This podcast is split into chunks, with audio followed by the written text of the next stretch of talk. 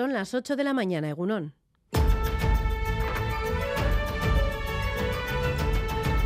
Crónica de Euskadi con Irache Martínez. Ante la huelga en la educación pública convocada para este miércoles y el 14 de diciembre, el consejero Joaquín Bildarratz lo tiene claro. Estamos ante una huelga preventiva. Se está convocando una huelga con un texto que se desconoce.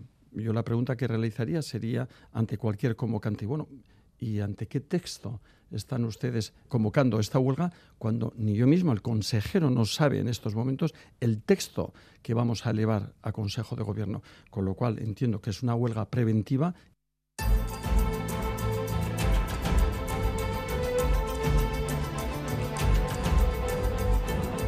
Palabras del consejero de Educación este sábado en Crónica de Euskadi fin de semana, que enseguida les ampliamos. Mientras tanto, en Madrid, acto feminista de Podemos que se convertía en un mitin multitudinario de apoyo a la ministra de Igualdad, Irene Montero, que apelaba a la unidad de las mujeres. Y por otro lado, ayer el PP se adelantaba a la manifestación convocada para este domingo por Vox para mostrar su rechazo a las políticas del Gobierno con un acto en el que Feijó rechazaba la derogación del delito de sedición. Y les contamos también que la irritación entre los vecinos de Zamudio sigue aumentando. Esta semana un anciano de 89 años tuvo que ser evacuado al hospital de Cruces con heridas y golpes que le propinaron dos individuos que entraron a robar en su baserri. Durante dos horas le maniataron y golpearon con fuerza para robarle mil euros. Los dos agresores lograban huir de la vivienda con el dinero. La Erchainza investiga los hechos para dar con los asaltantes que el alcalde de Zamudio, Igoz López, relaciona con los ocupas que desde diciembre se han adueñado de un edificio del municipio. Estamos y otros sabemos que el origen está en la vivienda que está ocupada desde diciembre, que además unos van, otros vienen, han ocupado un edificio entero y, el tema está, está, en los juzgados. Y esta gente, pues posiblemente en breve conseguiremos que salgan de Zamudio, espero, pero irán a otra parte y el problema es ir a otra parte. No hay derecho que una persona le, ocupe en su vivienda y que además ahí se instale una banda de delincuentes que, se dedica a atemorizar a un municipio, a sus vecinos y a sus vecinas que, viven tranquilamente y gente que además que no pretende ni trabajar ni nada y que solamente pretende vivir delinquiendo. Cambiemos las leyes Vamos ya con un adelanto de la actualidad deportiva. John Zubieta, Egunon. Egunon, Argentina salvó de momento su match ball en el Mundial de Qatar y derrotó a México por 2-0 gracias a los tantos de Messi y Enzo Fernández. Además, esta jornada dominical tiene como partido más atractivo el España-Alemania. Siguiendo con el fútbol, el Athletic femenino derrotó 1-6 al Villarreal y este mediodía el Alavés Gloriosas recibe al Betis y poco después la Real Sociedad al Levante Las Planas. En segunda división, el Alavés afianza su liderato tras imponerse al Villarreal B por 2-0 y el Eibar busca en Cartagena un triunfo vital para estar en el grupo de los escogidos. Por lo que respecta a la pelota, Barcelona acogió el partido de mano parejas entre Lasso e Imaz ante Jaca y Aranguren con victoria de los primeros por 22-21. Asimismo, en balonmano, derrota del Vidasoa en Cuenca por 30-25 y esta tarde cita de la Naitasuna ante el Guadalajara. En féminas, victoria del Vera Vera y derrotas del Betionac y Zuazo. Y en baloncesto, triunfo del Bilbao Basket en Zaragoza por 67-74. Y un recordatorio porque desde primeras horas de la mañana tenemos la Maratón de San Sebastián y al mediodía el Campeonato de Euskadi de Izcolaris en Bilbao.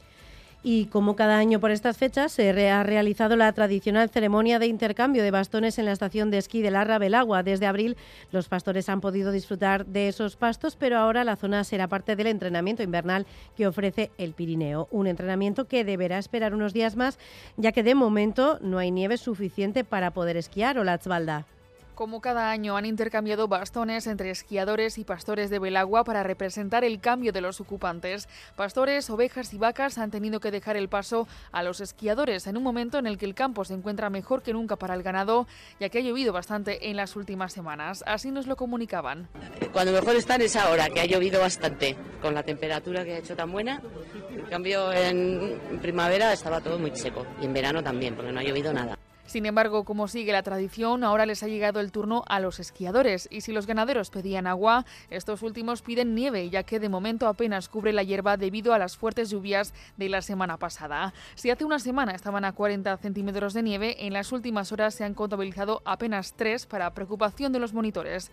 De momento, por tanto, pista abierta sí, pero no se puede esquiar. Lo bueno es que nieve ahora. El día es más corto, hace más frío y aguanta mucho más la nieve, pero claro, tiene que llevar. No sabemos, el tiempo no puede decidir. En cualquier caso, la nieve está anunciada para los próximos días y prevén que la pista de esquí esté abierta para el puente foral de diciembre. De momento no hay nieve suficiente en Belagua, pero vamos a ver qué tiempo nos espera para este domingo. Euskalmet, Jaione, Munarri, Cegunón.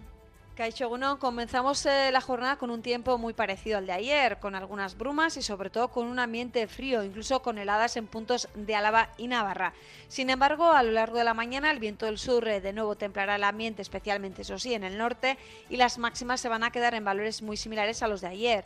Ambiente soleado por la mañana, con intervalos eh, de nubes altas, pero a lo largo de la tarde esta situación va a ir cambiando. Es decir, a primeras horas de la tarde en la costa, viento va a girar a oeste con algunas eh, rachas y a partir de entonces la nubosidad irá en aumento y para la noche la lluvia se irá extendiendo de oeste a este. Así que terminaremos la semana con lluvia y un viento del noroeste que irá arreciando al final del día.